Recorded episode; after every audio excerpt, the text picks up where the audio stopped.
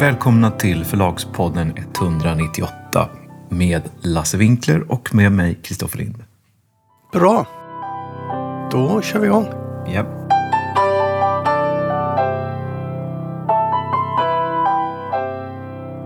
Jag har en rättelse jag tycker vi ska göra. Jag gillar väldigt mycket att få reaktioner från lyssnarna. Eh, och inte minst när vi har fel eller otydliga eller oklara. För jag ser ofta det som omtanke. Och vi fick en sån reaktion på ett inslag i förra veckan. Det om AI. Det var Åsa Anesäter på Författarförbundet som hörde av sig. Utgångspunkten var ju att vi hade berättat att den brittiska regeringen och den brittiska kulturdepartementet hade vänt sig till de kreativa verksamheternas organisation i landet för att få deras analys och kunskaper när det gäller att mejsla fram en fungerande nationell politik avseende AI. Med tillägget då att det var tyst från den svenska regeringen och kulturdepartementet. Men Åsa Anesäter hon berättade då att det var inte helt tyst från kulturdepartementet för de hade hört av sig i frågan till Författarförbundet. Dock, i inslaget utgick jag från Förläggarföreningen som inte hört något och som fortfarande inte hört något. Men som nu fått reda på detta och kommer ta direktkontakt med kulturdepartementet. Mm. Så tack Åsa Anesäter, där fick vi lite bredare kunskap. Och nu ska ni andra som lyssnar få lite bredare kunskap för vi ska gå in på den förkättrade frågan om hybridförlag, eller rättare sagt framväxten av lite olika typer av förlag eller affärsverksamhet. Det är ditt favoritämne. Kan man säga. I alla fall är det här också en utgångspunkt från en lyssnare som hört av sig och gav tips om en tråd på gruppen författare på Facebook. Jag gick in där i arbetet med att klarlägga vad som hade hänt och vad som pågick mellan inblandade förlag och författare så inser jag vilket, och det har jag gjort förr i och för sig, va, men vilket enormt bra funktion Facebook har för författare som sitter för sig själva och jobbar. Och jag inser också att det finns förlag, eller det man kan kalla förlag, som inte fattar vilket verktyg det är och hur lätt det är att bli avslöjad om man inte är helt kosher i sin hantering. Alltså, om man tror att man bara tar kontakt med en författare så ska man inte tro det längre. Många, många lägger ju upp sina brev också från förlagen och ibland lägger de upp sina kontrakt och sådär. Det är en helt eh, ny värld för oss att förhålla oss till. Ja, och jag tror att detta är i allmänhet väldigt bra. Och det var det i den här historien. För den avslöjade ju en situation som kanske inte var så snygg. Det var så att nyligen fick en del aspirerande och redan debuterade författare ett mejl från ett nytt inom situationstecken förlag som ville ge ut deras manus. Men det var lite oklart under vilka villkor och lite oklart hur förlaget hade fått tillgång till manusen. Och det är en lite snårig historia, men vi ska reda ut det här. Och jag har valt att läsa upp ett par mejlväxlingar i tråden, men har avidentifierat författarna. Först ett mejl från förlaget i fråga. Och inom parentes handlar det om Arena Script och dess ägare Martin Svensson. Som skriver så här till en författare. Hej X! Vi har ett nära samarbete med bokförlaget Mormor som vidarebefordrat ditt manus till mig. Jag har nu sträckläst. Manuset är både starkt, underhållande och välskrivet. Vi ger gärna ut det som både ljudbok, e-bok och pappersbok. Vad gäller pappersutgåva så har vi en modell där förlag och författare delar på kostnaderna och intäkterna. Din del av kostnaden skulle i så fall bli 40 000 plus moms. I det priset ingår omslag, sättning snedstreck inlaga, korr, tryck, säljblad, införsäljning till bokhandlarna, distribution, marknadsföring, e-bok, ISBN IBAN och lagerhållning. Till skillnad från andra förlag med liknande upplägg gör vi verkligen en ordentlig införsäljning och lansering.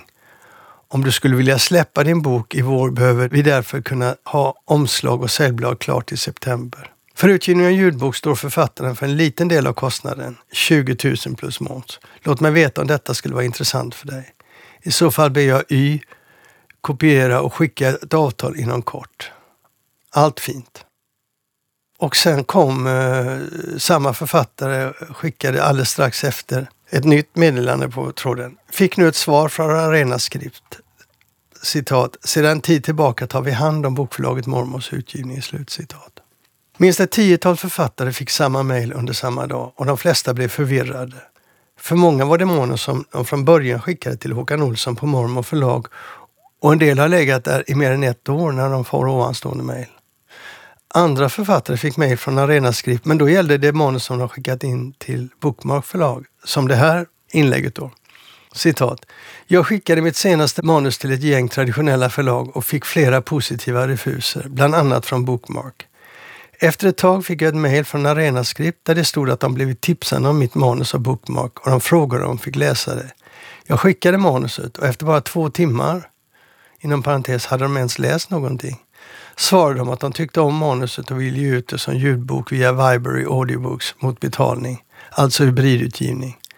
Eftersom jag redan gjort hybridutgivning på förlaget X och var mycket nöjd med den och tänkte anlita dem igen om jag inte blir antagen traditionellt så svarade jag att jag inte var intresserad av detta. Då svarade de efter bara en halvtimme att de ville ge ut ljudboken traditionellt istället. I detta fallet att de stod för kostnaden för själva ljudboksproduktionen, dock inte för redaktör och korrläsare. Så det var ändå inte samma deal som hos ett traditionellt förlag. Jag tyckte det var konstigt att de svarade så snabbt hela tiden men bara ändå få ett avtalsförslag som de kunde titta på. Där stod det bland annat att de skulle bestämma omslaget, att de skulle ha rättigheterna till min nästa bok.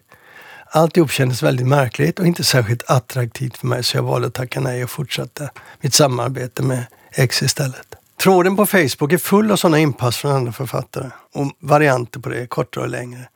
Och så vitt jag kan se den här tråden så nämns tre olika förlag hittills. Bookmark, Mormor och så ett annat.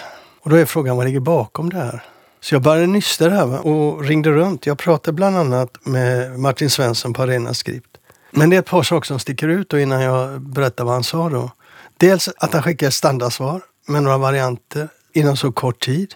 Och de flesta författare uppfattar det som att Arenaskript inte läst manus utan, manus utan bara vill ragga kunder.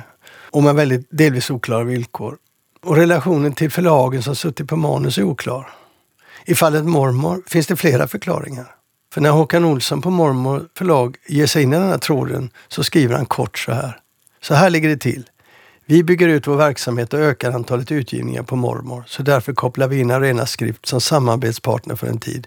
Sen kommer all verksamhet att uppgå i bokförlaget Mormor. En eventuell utgivning kommer alltså att ske på Mormor, inget annat. Men när Martin Svensson får frågan från mig då så ser svaret lite annorlunda ut. Han säger först att det blir väldigt olyckligt det här. Vi håller på att ta över Mormor förlag och hittar cirka 20 manus i deras manushög som vi vill arbeta med. Och så beklagar han att eh, de likartade formuleringarna, för han har ju sett vad som har hänt på nätet då. Han tycker det gick lite för snabbt. Men han har läst alla manus. Det bygger på ett missförstånd, säger han, att vi inte har läst. Men när det gäller manus som Arenaskript fått från Bookmark så ser det lite annorlunda ut faktiskt. Jag ringde också förlagschefen Claes Eriksson där. Och han sa då att Bookmark får ju ut, deras manusgrupp får in mängder med manus som de går igenom men inte ger ut. Och det kan vara manus som kan vara relativt fullgångna men inte passar på förlaget. Och så säger han så här. Jag vet att Martin Svensson, som då inom parentes är författare på Bokmark, letar manus och vi har fått förfrågan att rekommendera manus som verificerar, men som är någorlunda färdiga. Och det är vår manusgrupp som sköter det och vi ser det som en hjälp till författaren att kanske få ut sitt manus. Men vår manusgrupp kontaktar författaren och frågar om det är okej okay att vi skickar vidare till Martin Svensson för bedömning, säger han. Om så har skett i de exempel som finns i författartron på Facebook det vet han inte. Men det är också en överraskning för honom att Arenaskript är ett hybridupplägg. Och det stör honom lite för han vill inte se de författare som vänder sig till Bokmark hamna i en situation där de kan få eventuellt oseriösa förslag. Du och jag gör ingen bedömning av kvaliteten på Arenaskripts arbete med författare och utgivning i det här inslaget. Jag tycker att det finns en hel del att fundera på det de skriver och vad de lovar. Men vi släpper det. Jag tycker inte att det är något konstigt att man har olika typer av hybridupplägg och i motsats till dig så tycker jag att hybridförlagen spelar en bra funktion på marknaden. Men att skicka vidare manus utan att ha författarens tillstånd låter ju väldigt märkligt. Och även att skicka vidare dem med tillstånd låter märkligt. Man kan väl tipsa i så fall om det här förlaget. Mm.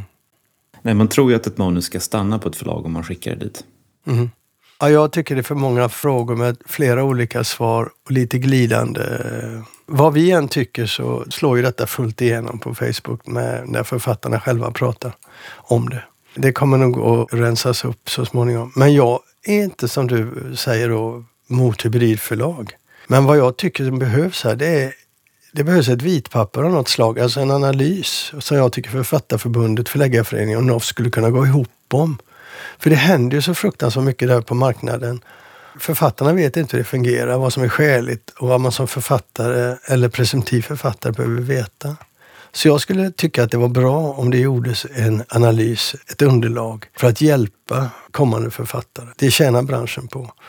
Och där kan man också visa, som du säger, det finns hybridförlag som är legitima. Men det finns också organisationer eller företag som kanske är lite annorlunda. Som man ska vara lite försiktigare med. För det går för mycket rykten och det är för oklara saker. Vi märker, jag märker ju hela tiden när man är ute här att författarna är i händerna på det här. De borde få veta mer. Ja, framförallt är det väl otydligheten från de här aktörerna. Att de är liksom både och. Det flyter lite grann. Mm. Ja, nej, det här skickar jag vidare förslaget till Författarförbundet och Förläggarföreningen och NOF. Do something. Efter att vi spelat in det här, alldeles innan pressläggning av Förlagspodden, så nås vi av följande meddelande som läggs ut på Facebook av bokförlaget Mormor. Dementi. Förlaget Arena Scripts gör utskick där de påstår att de ska överta namnet Bokförlaget Mormor och ge ut böcker där. Tanken var att vi skulle påbörja ett samarbete, men efter att ha tagit del av deras utskickade avtalsförslag så backar vi omedelbart från det samarbetet. Avtalen stämmer inte alls med det vi kommit överens om ska gälla. Vi råder därför alla författare som fått avtalsförslag från dem att avstå. Det är dyra avtal där författaren får stå för alla risker och det kan vi på Mormor inte acceptera. Det finns tillräckligt med oseriösa förlag i branschen. Vi behöver inte fler. Med det sagt så påstår vi inte att mormor är felfri. Inte alls. Vi begår misstag och ibland är ibland sena med avräkningar till exempel. Men vi försöker alltid göra böcker med kvalitet, med rejäla textgenomgångar och snygga omslag och inlagor. Nu vänder vi blad, som kungen sa, och går vidare med vår verksamhet. Ja, det var det. Detta var alltså författare på Facebook som var utgångspunkten. Deras kommentarer där. Ska vi gå vidare? Vi går vidare.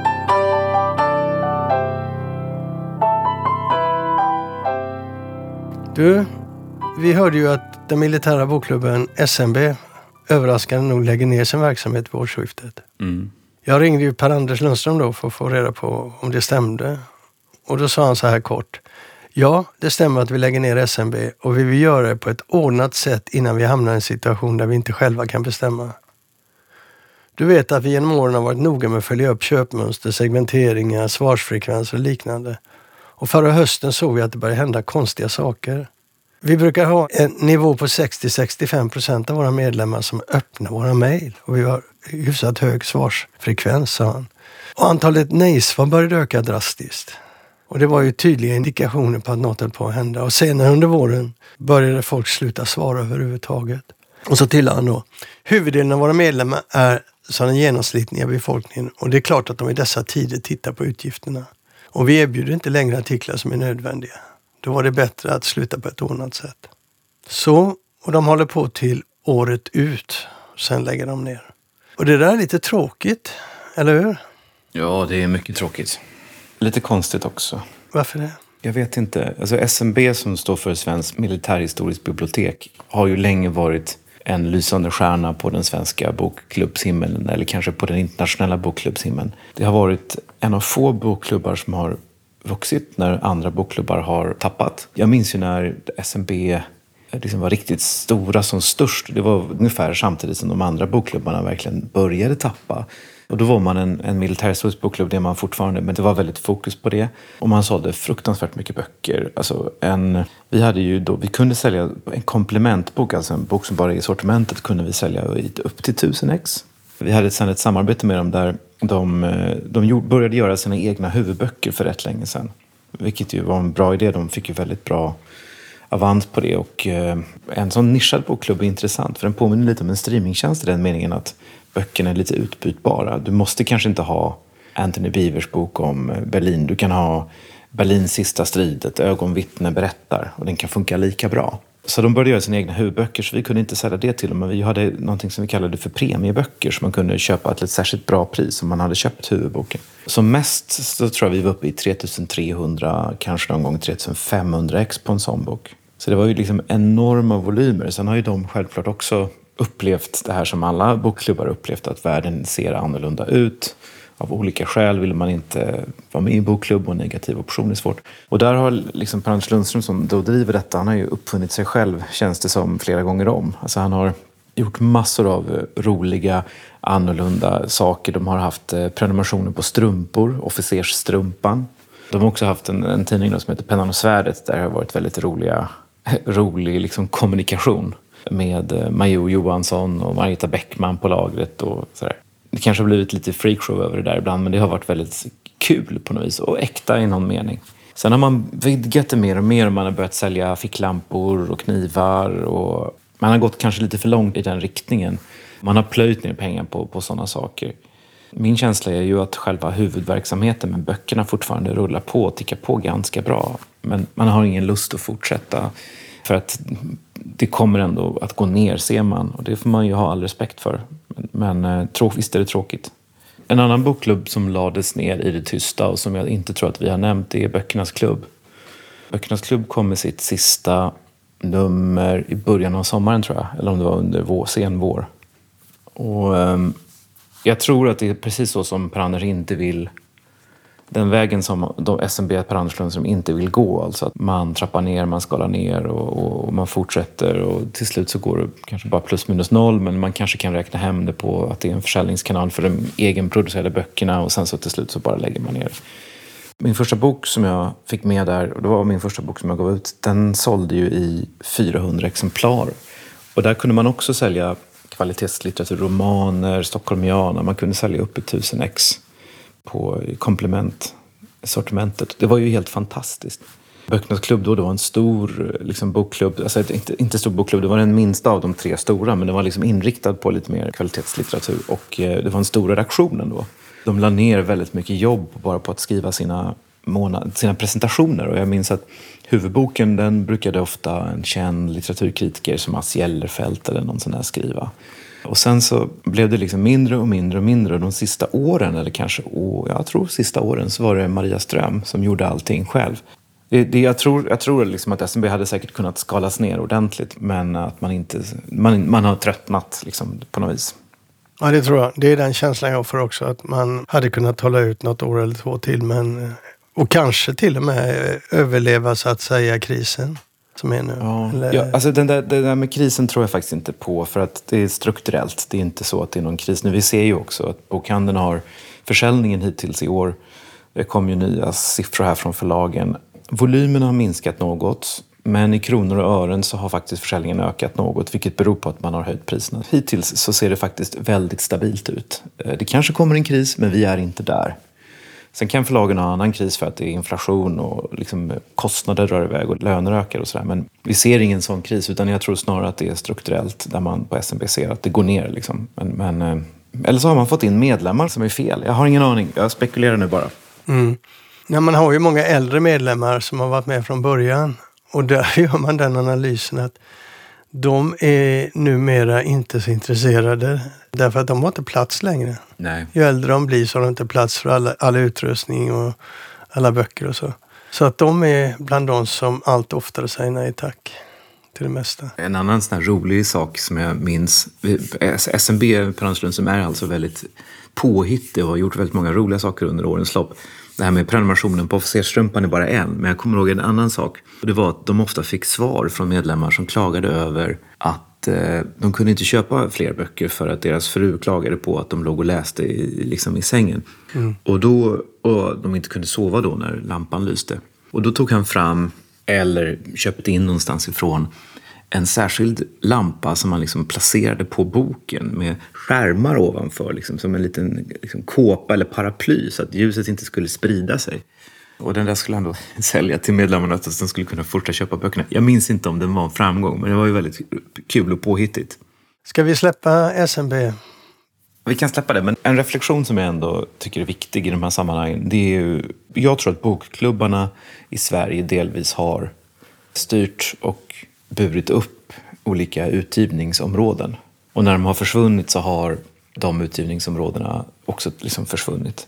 I SMB så är det ju uppenbart liksom att militärhistoria, historia var ju något fantastiskt. Alltså, för där hittade man ju mycket män som kanske inte köpte så mycket böcker i övrigt. Och för förlagen så kunde man helt plötsligt ge ut militärhistoria som det hade varit väldigt svårt att sälja i kanske vanliga bokklubbar där bara kvinnliga medlemmar fanns, eller i bokhandeln. Men jag tror att man kan säga samma sak exempelvis som Böckernas klubb.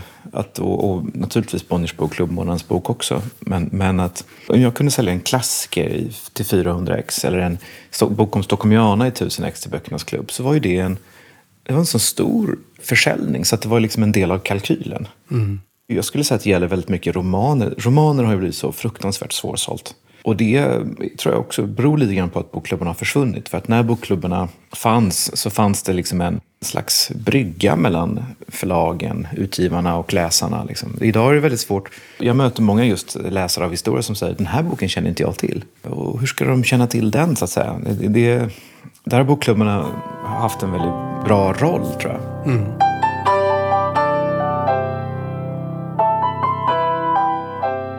Och så var du på fest häromdagen. Ja, just det.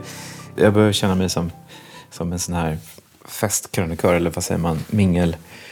Se och hör-reporter, precis svensk dam tidning. Jag var bjuden på Opals 50-årsfest och eh, det var ju faktiskt andra festen i år, för Norstedts firade ju 200 år som alla vet. Och eh, Opal är ju ett familjeföretag, vilket är lite kul. Eh, om man tar bort Bonnier så finns det inget äldre förlag i Sverige som är familjeägt möjligen att Dorotea hade legat på samma, ungefär samma antal år om hon inte hade sålt Brombergs till Norstedts. Men de hade i alla fall en fest på Moderna Museet och det var en eh, kul och trevlig fest. Det var en fin kväll med utsikt över Stockholm och det bjöds på god mat och underhållning och det var jättemycket folk där såklart. Mycket författare, mycket illustratörer, mycket medarbetare på, till och kring förlaget. Men de hade också bjudit ett par konkurrenter eller kollegor eller hur man nu vill se det, bland annat mig då och så fick man en bok också eh, som de hade gjort om eh, sin historia. Det är inte någon så här förlagshistorik, eh, så här förlaget grundades av Bengt Kristell och bla bla bla. Utan det är en bok som är väldigt rikt illustrerad. Det är rätt kul gjort med, i början av boken så är på för och eftersättsbladen som är fler än vad de brukar vara, de är fem, sex stycken.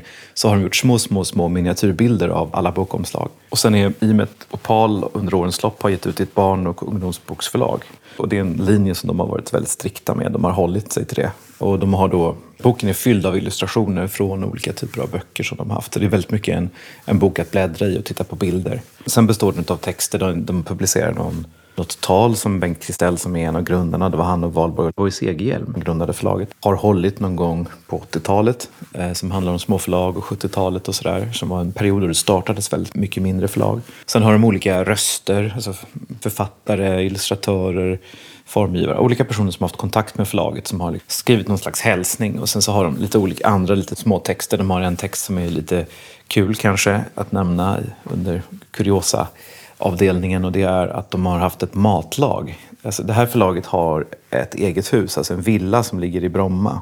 Och där har de lagat mat så att de har liksom delat upp det så att eh, den här veckan är Lasses vecka. Då lagar Lasse maten alla dagarna. Lunchen då förstås. Och sen så nästa vecka är det Kristoffer och sådär.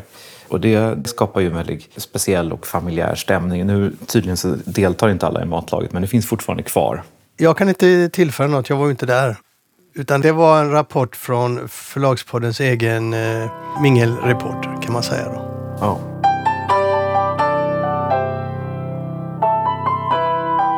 Du, innan vi gör eh, sista inslaget. Så snart, det här är alltså avsnitt 198. Och eh, om ett par avsnitt så är det 200. Och det är det avsnitt som kommer samma vecka som Bokmässan är. Och jag har funderat och du har funderat om vi ska göra något speciellt för att fira det. Och vi är lite tröga där så vi lyssnar gärna på idéer och uppslag eller önskemål från er som lyssnar. Men något borde vi göra, tycker jag. 200 är ju rätt anmärkningsvärt. Ja, det känns som ett ultramaratonlopp. Det tycker inte jag alls. Jag känns bara förvånad när jag vänder mig om. Wow, har det blivit så många avsnitt? Har vi hållit ut så länge?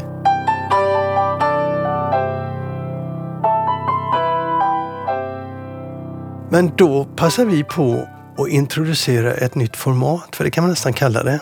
Nej, för nytt format är det inte. Det är en ny variation på ett tidigare format. Eller snarare en ny inriktning på ett tidigare ja, format.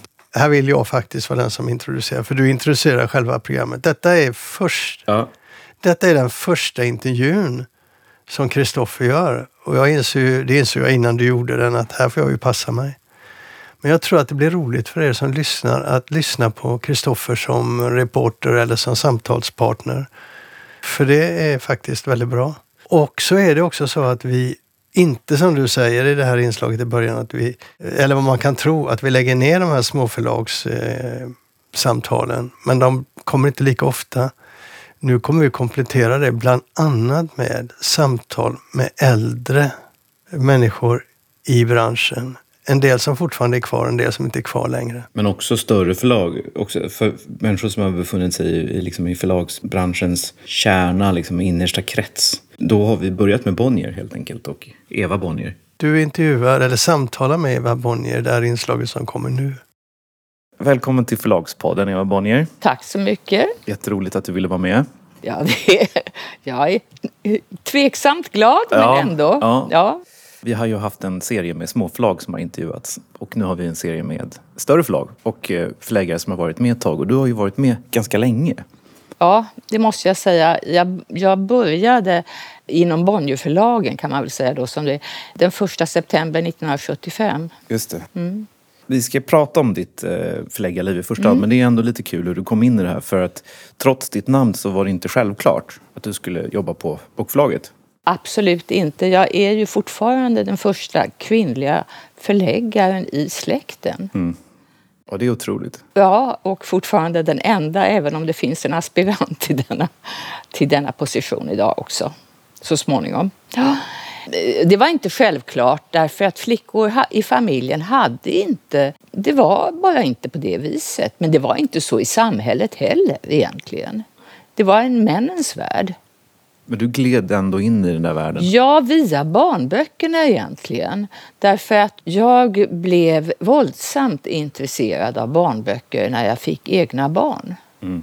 Och jag gick till och med en liten kurs på Barnboksinstitutet som dåvarande ledaren Mary Örvig, i alla fall var det Mary Örvig som hade en liten kurs om barnböcker som jag blev oerhört inspirerad av.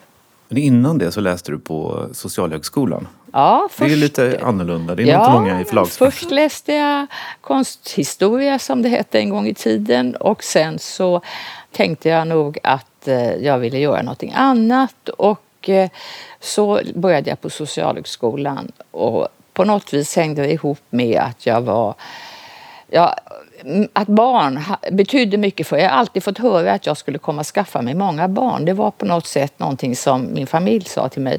Det var ju en självuppfyllande profetia lite eftersom jag har fem barn. Men det blev också så småningom orsaken till att när man har fem barn hemma och arbetar med barn och ungdomsböcker hela tiden kan det bli, man kan man känna sig att nej, nu måste jag göra någonting annat och gå vidare. Mm. När du kommer då hit 1975 ja. och det var på Bonniers juniorböcker. Ja. Vad är det för, hur ser förlaget ut så att säga? Det ja, du beskriver det... någon intervju, tar någon stämpelklocka och... Ja, vi jag har stämplade någon... in och ut naturligtvis. Det gjorde man ju på ja. den tiden. Och dessutom, det var ju en helt annat förlag så mm. att säga. Det, det, det, här som heter Bonnierförlagen som är en paraplyorganisation, det fanns ju inte då överhuvudtaget. Utan Albert Bonniers förlag gav ut eh, skönlitteratur, facklitteratur, barn och ungdomsböcker så att säga också. Sen blev det olika, de här olika avdelningarna kan du säga bolagiserade. Så att när jag började på det som heter Bonniers juniorböcker så blev det så småningom Bonniers juniorförlag mm. innan jag, de 14 år jag höll på med barn och ungdomsböcker. Jag tänkte mer på liksom, hur var miljön? Var det väldigt gubbigt? För att... Ja, men det var ju männens mm. värld i hög mm. utsträckning. Men naturligtvis, som alltid, så var det väldigt många kvinnliga redaktörer. Framförallt på barn och ungdomsboksidan var det ju det var en manlig chef, men det var en kvinnlig litterär chef mm. kan du säga. Och sen glider du in i eh, Albert Bonniers förlag så småningom. Ja, efter... Alltså det var ju ändå 14 år. När jag mm. kände att nej, men jag måste kunna få göra någonting annat. Och då fick jag möjligheten att ha som att säga en egen input, vilket jag hade i två år i stort sett. Eva Bonniers förlag? Ja, i bokförlaget Eva Bonnier mm. hette det. Och då, det var jag och en kollega som, som också kom från juniorböcker som gjorde detta med, med en kvinnlig kvinnliga författare. För det, fann, det var en nisch kan man säga som Bonniers inte hade mm. på det viset. Och jag var väl inspirerad av Solveig Nellinge på Trevi i högsta grad. Kommer du ihåg någon av böckerna som du är särskilt stolt över att du gav ut? Där? Att jag gav ut? det var väl egentligen Janet Frame som jag hela tiden har tyckt har varit mm. en fantastisk författare. Jag kollade lite i Libris och det var några titlar där jag kände igen som eh, den här Shakespeare and Company. Ja, men Shakespeare and Company var faktiskt den första titel jag gav ja. ut. Det visade sig att den fanns redan. Jag, jag gjorde som man skulle göra. Jag hörde av mig till agent och, och alltihopa och, och eh, fick rättigheterna till översättningen. Men då visade det sig att det var en annan översättning på gång som ingen hade liksom... Det förlaget hade trott att, det, att man inte behövde okay. göra någonting. Ja. Men, men den översättningen kom så småningom ut ja. också. Ja, men det var Shakespeare and Company det och det var, det var väldigt roligt för den väckte rätt mycket uppmärksamhet när den kom. Och sen så eh, tar du över efter Åke Rundqvist, stämmer det? Det stämmer. Så småningom gjorde jag det när, när jag haft det här idag skulle jag säga imprinten, men i alla fall eh, i två år tror jag, så skulle Åke gå i pension. Mm. Han hade också på många sätt varit lite stöttande för mig. Jag kände att det skulle vara roligt att när han gick i pension att så småningom efterträda honom på Albert Bonniers förlag. Jag kan inte säga annat än att jag tyckte att det var väl ändå Albert Bonniers förlag jag ville komma till mm. i slutändan. Då blev Åke han var redan sjuk fast man inte riktigt förstod det. Så det hela gick väldigt mycket fortare. Han höll på att börja introducera mig, eller sina olika författare till mig egentligen, när han blev, hamnade på sjukhus och dog mycket hastigt. Men, eh, och då blev det ju mm. bara så. Då kom jag att efterträda honom. Och för de som inte vet vem Åke Rundqvist var så var han ju en av de här klassiska Bonnierförläggarna. Men då ärver du författare av honom, men du ärver också en del författare av din, din pappa? Ja, men han var redan död då. Han var redan död då? Ja. Kan han ha dött 1986? Det gjorde han nog. Mm. Eller han, jag måste tänka efter när min yngste son är född. 1987 är han född. Ja. Och då dog Gerhard på, på hösten 1987. Ja, för jag läste någonstans att du skulle, du skulle exempelvis eh, skriva avtal med uh, Göran Tunström. Ja, det var, men det var Åkes författare. Okay, okay. Det var Åkes författare. Och det var ju mest Åkes författare som jag ärvde så att mm. säga då. Lite hastigt. Och många av dem hade jag ju, några av dem i alla fall, träffat dem hemma hos mina föräldrar. Och det är klart att det, för dem var det ju inte alldeles enkelt att här var, jag, då var jag dotter i huset, det var en sak. Nu skulle jag vara deras förläggare, hur skulle mm. det gå? Men med Göran Tunström var ju det här att jag skulle skriva kontrakt på det sanna livet. Det var här och det var för en mottagning egentligen för Thomas Tranströmer som hade fyllt 60 men som också just hade haft sin stroke. Och jag sa till Göran så där insmickrande att eh, åh, det är så roligt för mig att få skriva kontrakt med Göran Tunström. Och då sa han, flicka lilla, då har du inte haft mycket roligt här i livet. Och sen så Sen fick vi en väldigt god kontakt. Mm. Vi umgicks en del också, lite mer privat. Ja, det är speciellt det där när man... Jag har varit med så länge så att nu börjar barn till, till mina författare att skriva böcker. Ja. Och finns ju på förlaget. Jag har inte dem. Men att det, det, finns också någonting i det där som är väldigt fint som jag tror man uppskattar på båda sidor, alltså av kontinuitet. Absolut, och det var väl en av fördelarna med att, att heta Bonnier mm. i Bonniers förlag så att säga. Författare kunde känna sig rätt så trygga med att man inte skulle försvinna. Sen har ju världen förändrats ändå väldigt mycket när det gäller såna här mm. saker med förlagstrohet och annat. Du tog över några författare, men många författare hade du ju träffat eh, i barndomshemmet. Det hade jag gjort och då, Göran var väl en av dem och eh, det var flera stycken andra som, mm. men, och kanske jag inte blev allas förläggare liksom, men det var ändå ett, ett annat förhållande mm. till att, eh, att vara så att säga. Jag gillar också att eh, i det här förhållandet så ligger en, en både stor respekt men också en respektlöshet för man ser ju människan. Ja. Eh, det finns en rolig anekdot jag läste någonstans om när, när Lars Forssell ska läsa dikter hemma. Oh ja, det, då var jag nog bara i tonåren, eller så var jag 20 någonting. Okay. Och Lars Forssell skulle komma och läsa dikter jag kan minnas det som att jag var ganska halvvuxen i alla fall. Och att, eh, men jag hade blivit tillsagd att man, fick inte, man måste vara tyst och lyssna så att säga. Och det var kärleksdikter han läste och ganska Eh, vad ska jag säga, explicita kärleksdikter. Men jag, jag var väldigt förkyld. Så, men jag vågade ju inte göra någonting annat. Jag bara kände hur jag sagt med huvudet uppåt så att det skulle rinna neråt bakåt i mig för att jag inte skulle störa dem.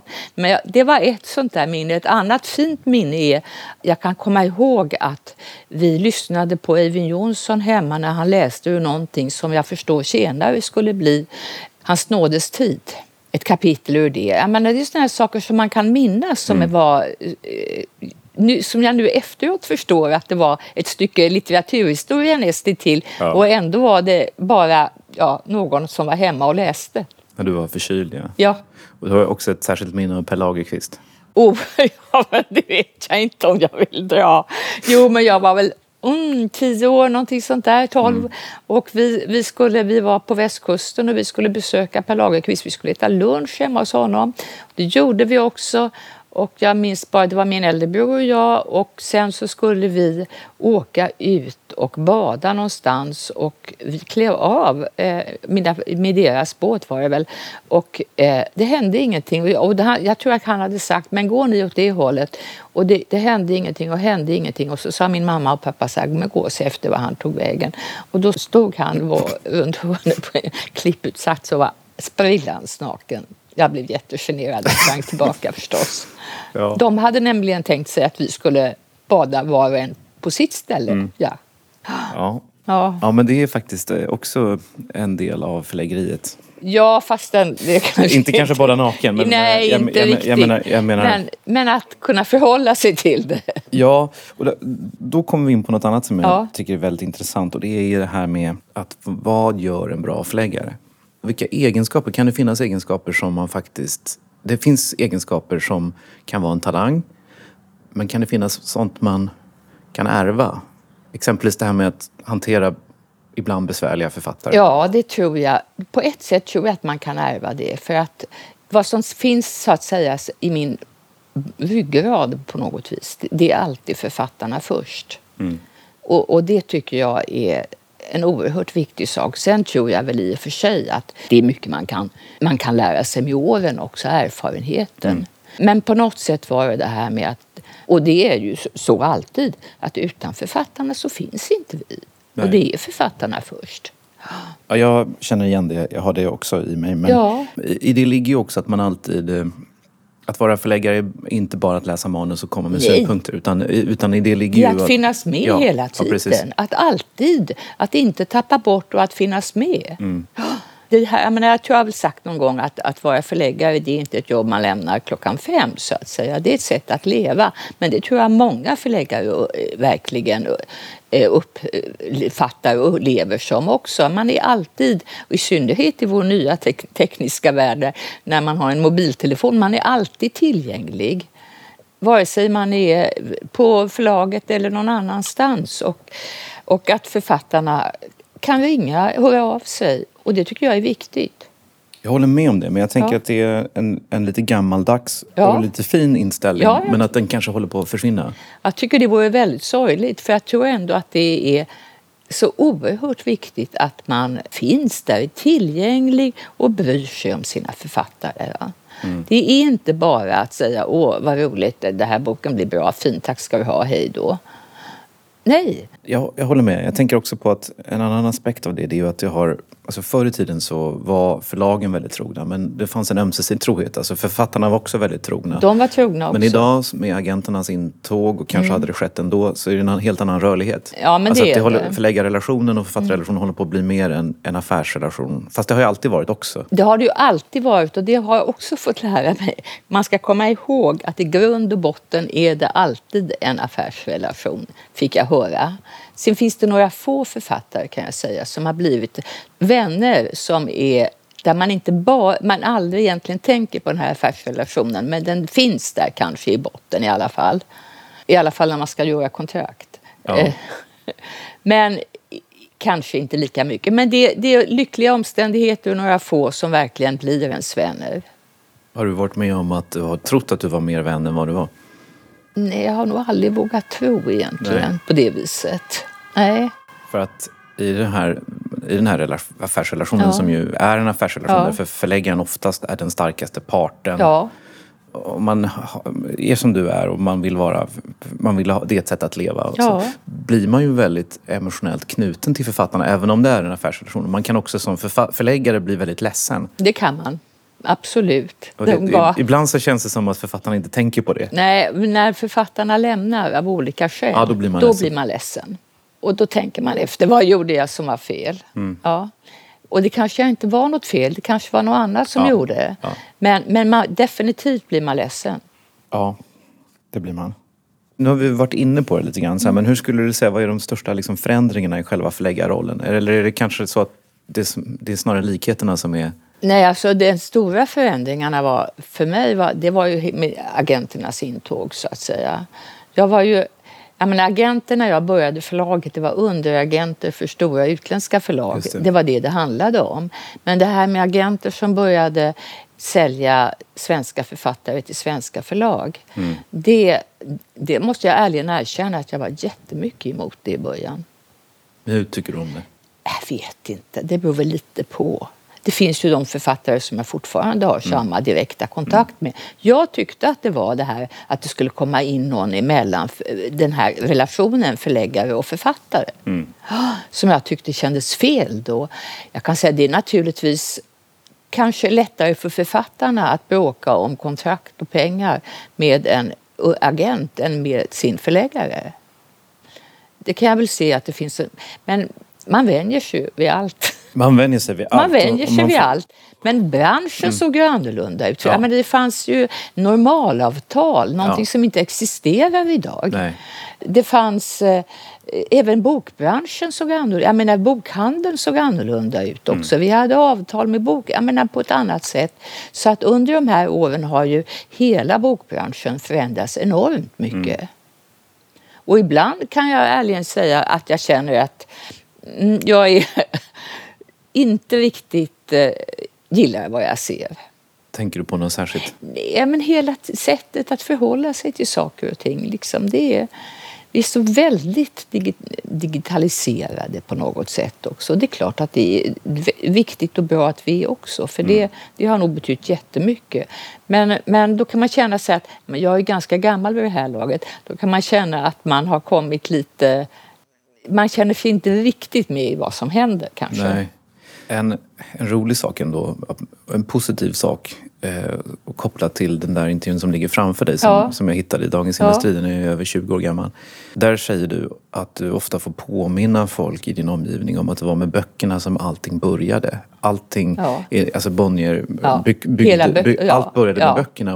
Och. Den där intervjun gjordes två, år 2000 tror jag. Så eh, befann sig ju tidningarna i lite grann i kris. Och, ja, för synnerhet kvällstidningarna och eh, veckotidningarna och månadstidningarna hade väl inte börjat krisa men det skulle ju komma och idag Ja. är de nästan borta. Ja. Och TV4 gick väl då jättebra men idag... Då är det borta. Ja, ja, Det är bort, Bonnier Från vår, från vår sfär, men, men, ni, men ni sålde det i god tid så att säga. Nu har, nu har de precis lanserat ett sparpaket och liksom modellen för kommersiell tv, affärsmodellen. Ja, ja. Men affärsmodellen för böcker står sig stark. Och böcker, böcker går ju bättre än någonsin. Hur tänker du kring det? Du menar att jag sa det då? Nej, jag tänker att, att du hade ju men- rätt. Att, ja visst, nej, böckernas- men böcker, böckerna jag tror ju fortfarande- aldrig att boken kommer att försvinna. Jag tror, jag menar, nu är det väldigt mycket med de nedladdningsbara ljudböckerna, sådana saker. Men, men jag tror ju att pappersboken i långa loppet kommer att le- Jag menar, det går lite upp och det går lite ner, men pappersboken kommer alltid att finnas. Jag är absolut övertygad om. Ja, det tror jag också. Och om man tittar också på de här mediebarometern så kan man ju se att Ja. folk tittar inte, läser inte tidningar på samma sätt som förr. Man, eh, man har tillgång till nyheter på annat sätt. Man tittar inte på TV på samma sätt som förr. Nej. Men böcker läser man. Ja, det gör man för att det är ändå speciellt. Och att speciellt att hålla i en ny bok. Ja. Du höll en Adam Helms-föreläsning för några år sedan. Ja. Och den har jag förstås läst. Och där säger du några intressanta saker. Och du säger att det finns två typer av förläggare. Entreprenören och vårdaren. Ja. Och du kategoriserar dig själv som vårdare. Vad menar du med det? Ja, men jag, alltså, entreprenören var väl de som kom på nya... Jag kommer ihåg att jag tyckte så. Eh, Albert Bonnier, den ursprungliga, var naturligtvis en entreprenör. Carlotto Bonnier var kanske både och lite grann. Men jag kan inte säga... Jag, själv känner jag nog att jag är en vårdare. Jag är inte en entreprenörstyp. Det är jag inte riktigt. Men jag vårdar det jag tycker om, så att säga, Ja. och, och har. Och Ja. vill ju gärna utveckla naturligtvis också, i någon mån. Ja. Men eh, de har liksom flätats in i varandra? De har gått in i varandra skulle jag vilja säga. Det är inte, den stora skillnaden idag är, den finns inte riktigt. Den var nog större på den tiden, för på då när allting satte igång. Då var det ju så att det var ju Carlotto Bonnier, min farfars far då, som var, som var den som var, verkligen ville bli den svenska förläggarnas, eh, författarnas förläggare. Det var hans mål. Den svenska litteraturens örtagårdsmästare. Ja, ja. Och det blev han ju på många sätt. Men det, jag tror att det här entreprenörskapet också finns med oss hela tiden på något vis, lite grann i alla fall. Ja. Idag så jobbar ju du på förlaget och din syssling Abbe, är han syssling eller? Ja, han jobbar också på förlaget. Mm. Ja. Men efter er, kommer det någon ny då? Ja, men det är som jag sa lite grann Det- förut, att det fanns en aspirant. Jag har en brorsdotter som finns här. Hon är redaktör nu, men med sikte på att så småningom bli förläggare. För det är ju lite roligt. Det är roligt och Ja. ja. för mig är det väldigt, väldigt roligt att det finns en Bonniersläkting som, som faktiskt vill och Mm. har förmo- ja, kan det här med böcker, är intresserad av böckerna du och på det. bokvärlden. Du är inne på det också i den här Adam Helms föreläsningen som du Ja. höll. Att eh, man jämför Bonnier med många andra eh, kända förlag som Ja. eh, Murray eller Ja, eh, eller- Doubleday. Eller, Doubleday var det väl också, Många av de kända klassiska förlagen de är inte längre familjeägda. Och att Bonnier är eh, faktiskt, eh, jag vet inte hur många andra som stora familjeägda förlag som finns kvar. Jag vet inte, av de ursprungliga är det inte så många. I Norden finns ju inget. Nej. Ja, men Aschehoug har väl fortfarande... det har du rätt i. Det är, även om det är många som äger, så att det är Ja. små, men de är många, det är fortfarande du ägt av. Ja, jag tror att det är ja. över 40 ägare. Ja, det är någonting sånt. Fast Bonnier Men, är 97 ägare. Eller något sånt där. ja, det, vi, blir, vi är så jättestor släkt nu i det här laget Ja. också. Nej, men det, det är, och jag tycker att det är en stor, stor fördel att vi fortfarande är ett familjeföretag. På vilka sätt skulle du säga att det är ungefär? Ja, men just det här känslan för det hela tror jag och att man har en historia kring det på något sätt också. Du är inne på i den här Adam Helms föreläsningen att en anledning till att ni har lyckats hålla ihop det är att ni har odlat myten om er själv. Ja, det, det har vi väl gjort och det gör vi väl fortfarande. Och var i- var i Med myten? framgång. Var i består myten? Myten är att vi... Nej, men att vi... eh, vet inte.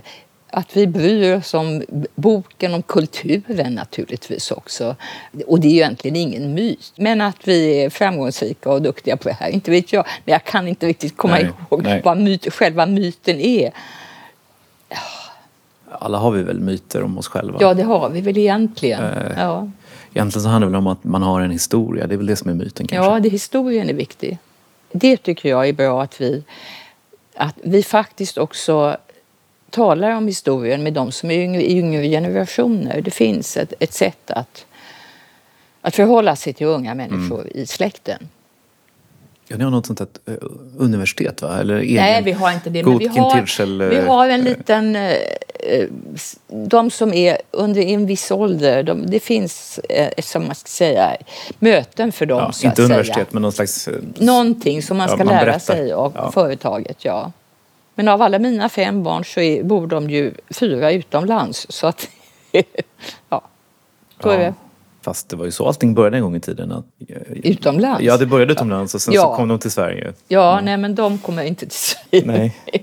nej. En, eh, en annan sak som du återkommer till i många intervjuer som kan tyckas självklart och uppenbart det är ju det här intresset för att läsa. Ja. Jag tror att det var i någon recension av Kerstin Ekman Ja. som jag läste att hon beskriver läsningen som ett sällskap.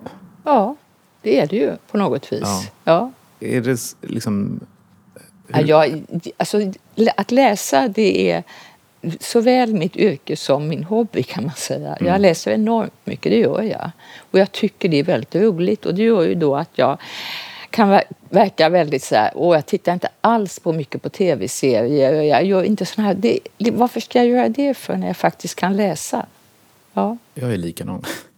Men det, och jag känner ibland att jag tappar då när jag inte kan relatera till de där tv-serierna som alla andra pratar Nej, om. men det gör man, det, man tappar naturligtvis någonting. Jag ser väl någon enstaka, men, Mm. Ja, det gör men, men eh, nej, läsningen är så enormt mycket mer viktig för mig. Och, eh, min enda, åh, hur ska jag hinna läsa alla böcker innan jag blir för gammal? Mm. Ungefär så kan jag känna det. Min läsning glider in i varandra. Alltså nöjesläsning ja. och, och jobbläsning. Men ja. jag har börjat mer och mer uppskatta min jobbläsning. Jag har börjat tycka att den är mycket roligare. Jobbläsningen? Ja, jobbläsningen. Ibland har jag känt den som, eh, som betyngande men jag tycker nästan all läsning är kul numera. Alltså jag har ju Klart det finns jag, jag har sådana fantastiska författare ja. tänkte jag säga. Så att jobbläsningen blir en nöjesläsning också. Ja. Ja. Ja, nej, men jag är nog för mycket för båda delarna så att säga. Men de går i vartannat mm. verkligen. Det måste jag också säga. Ja. Min erfarenhet är att de bästa förläggarna är sådana som, som är lite Eh, läser lite för mycket så att säga. Ja. För att de har en enormt för, försteg. Alltså ja. de, för att kunna bli en bra förläggare, enligt min erfarenhet, är att man behöver referenser. Ja, det är klart att man behöver referenser och det får man av att läsa. det går inte på något annat sätt. Nej, det gör det inte faktiskt. Jag tycker att det är en viktig sak att man läser mycket. Eller i alla fall läser, verkligen läser. Det får man ju också känslan av att eh, Carl Otto Bonnier gjorde. Och Han läste ju oerhört. Albert Bonnier, att de satt hemma ja. och läste korrektur. Och de läste ju mm. korrektur på ett sätt som... Som, som familjenöje. Istället för att läsa korsord så läste de korrektur. ja, det, det, korsord tror jag inte de var så hemskt intresserade av. Men de läste korrektur. Men det finns ju idag. Jag är inte jättebra på att läsa korrektur. Det får man faktiskt erkänna också. Det behöver man inte vara. Jag är också det behöver man inte vara, som för det finns de som inte, är duktiga. Ja, de som är bra redaktörer ja. och korrekturläsare, ja. det kan man ju också skilja på. Men de som är bra på att arbeta med text ja. väldigt handgripligt och sådär, ja. de är sällan bra förläggare för de ser inte helheten på samma Nej. vis. Nej, men det är ju viktigt att man gör. Man kan inte gå in i detaljer. Men Nej. deras jobb är ju på ett sätt att gå in i detaljerna. Ja. ja. Medan man själv läser mer övergripande, ja. Vad har du för författare som du jobbar med nu? Liksom? Ja, Kerstin, Kerstin Ekman, Ekman förstås. Ja. Det, jag var igår och firade hennes 90-årsdag. Det var väldigt roligt hemma hos henne. Har du alltid varit hennes förläggare? Nej, Nej det var Åke Rundqvist som mm. var hennes förläggare. Och eh, Kerstin valde mig faktiskt i ett läge när Åke blev sjuk också. Mm. Och, eh, och det, det är jag ju evigt tacksam för måste jag säga. För att för mig är hon så otroligt viktig. Både som person och som författare. Ja, som författare så finns det nog ingen som har en högre ställning i Sverige Nej, jag idag. tycker inte det heller, och med all vett. Göran Sonnevi är betydelsefull. Eh, alla är betydelsefulla på jo, något men sätt. som har varit med länge. Sådär. Ja. Niklas Rådström. När folk frågar mig ja, vet, så, så är det så här som att vilka böcker ger ni ut exakt, i höst? Jag kommer exakt. inte på en enda än, men just nu läser jag faktiskt, jag har ett fåtal utländska översättningar, men jag läser en Kirsten Thorup Peter, en dansk författare som är kanske Danmarks motsvarighet till Kerstin Ekman mm -hmm. och som jag gav ut en bok av. Eh, hon har kommit på Norstedts men hon har också, jag gav ut för två år sedan en bok som heter In till vanvett, in till döden som blev faktiskt väldigt uppmärksammad också. Och just nu läser jag en fortsättning på den boken. En dansk på danska. Ekman, jo, ju... jag läser danska. Ja, men en dansk Kerstin Ekman blir man ju väldigt Det är en dansk Kerstin Ekman kan du säga. Ja, fast hon är några, Kerstin är 90 och Kirsten är nog ungefär 82 vid det här laget. Ja. ja. Det är ingen. Men i Danmark vet folk väldigt mycket vem hon är så att säga. Ja. Jag måste bara säga att naturligtvis en, som, en författare som jag har haft i väldigt länge också så är det Björn Ranelid. Jag är 78 år, jag blir 80 om två år. Jag vet inte om man ska vara kvar. Så... Ja, men... Nej, jag vet inte. Nu, jag... nu är det inte jag som ska svara på den frågan. Nej, jag vet. Men jag tänker så här att eh, det jag har blivit en mycket bättre förläggare ju äldre jag har blivit. Ja, men det tror jag jag har blivit och, också. Och sen klart så kan man ju diskutera, vad, någon gång så blir man kanske för gammal men att det finns så mycket erfarenhet i att ha jo, läst så mycket och varit med så länge. Det finns ett stycke historia med mig ja, som jag tror ja, inte men inte finns. bara historia. Jag tänker att man kan faktiskt bli bättre ja. som förläggare. Ja. Att, att det finns ja, vi får se hur det blir. Ja, men fortfarande så håller jag på. Ja. Men det är inget mer som du vill Nej, jag komma på som du vill säga? Jag kommer inte på någonting. Nej. Nej, men det blev väldigt bra. Ja, det, fick, det får bli så här. Ja, stort tack för att du var med i Förlagspodden. Jag är Bonnier. Ah.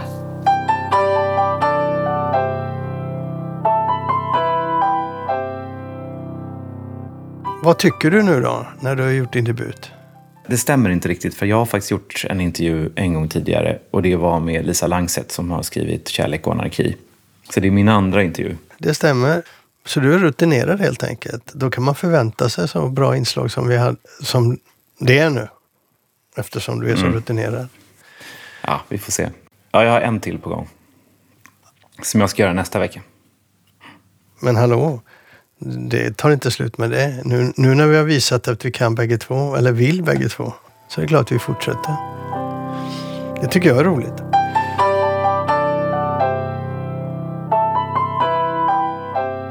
Det var allt för denna gången.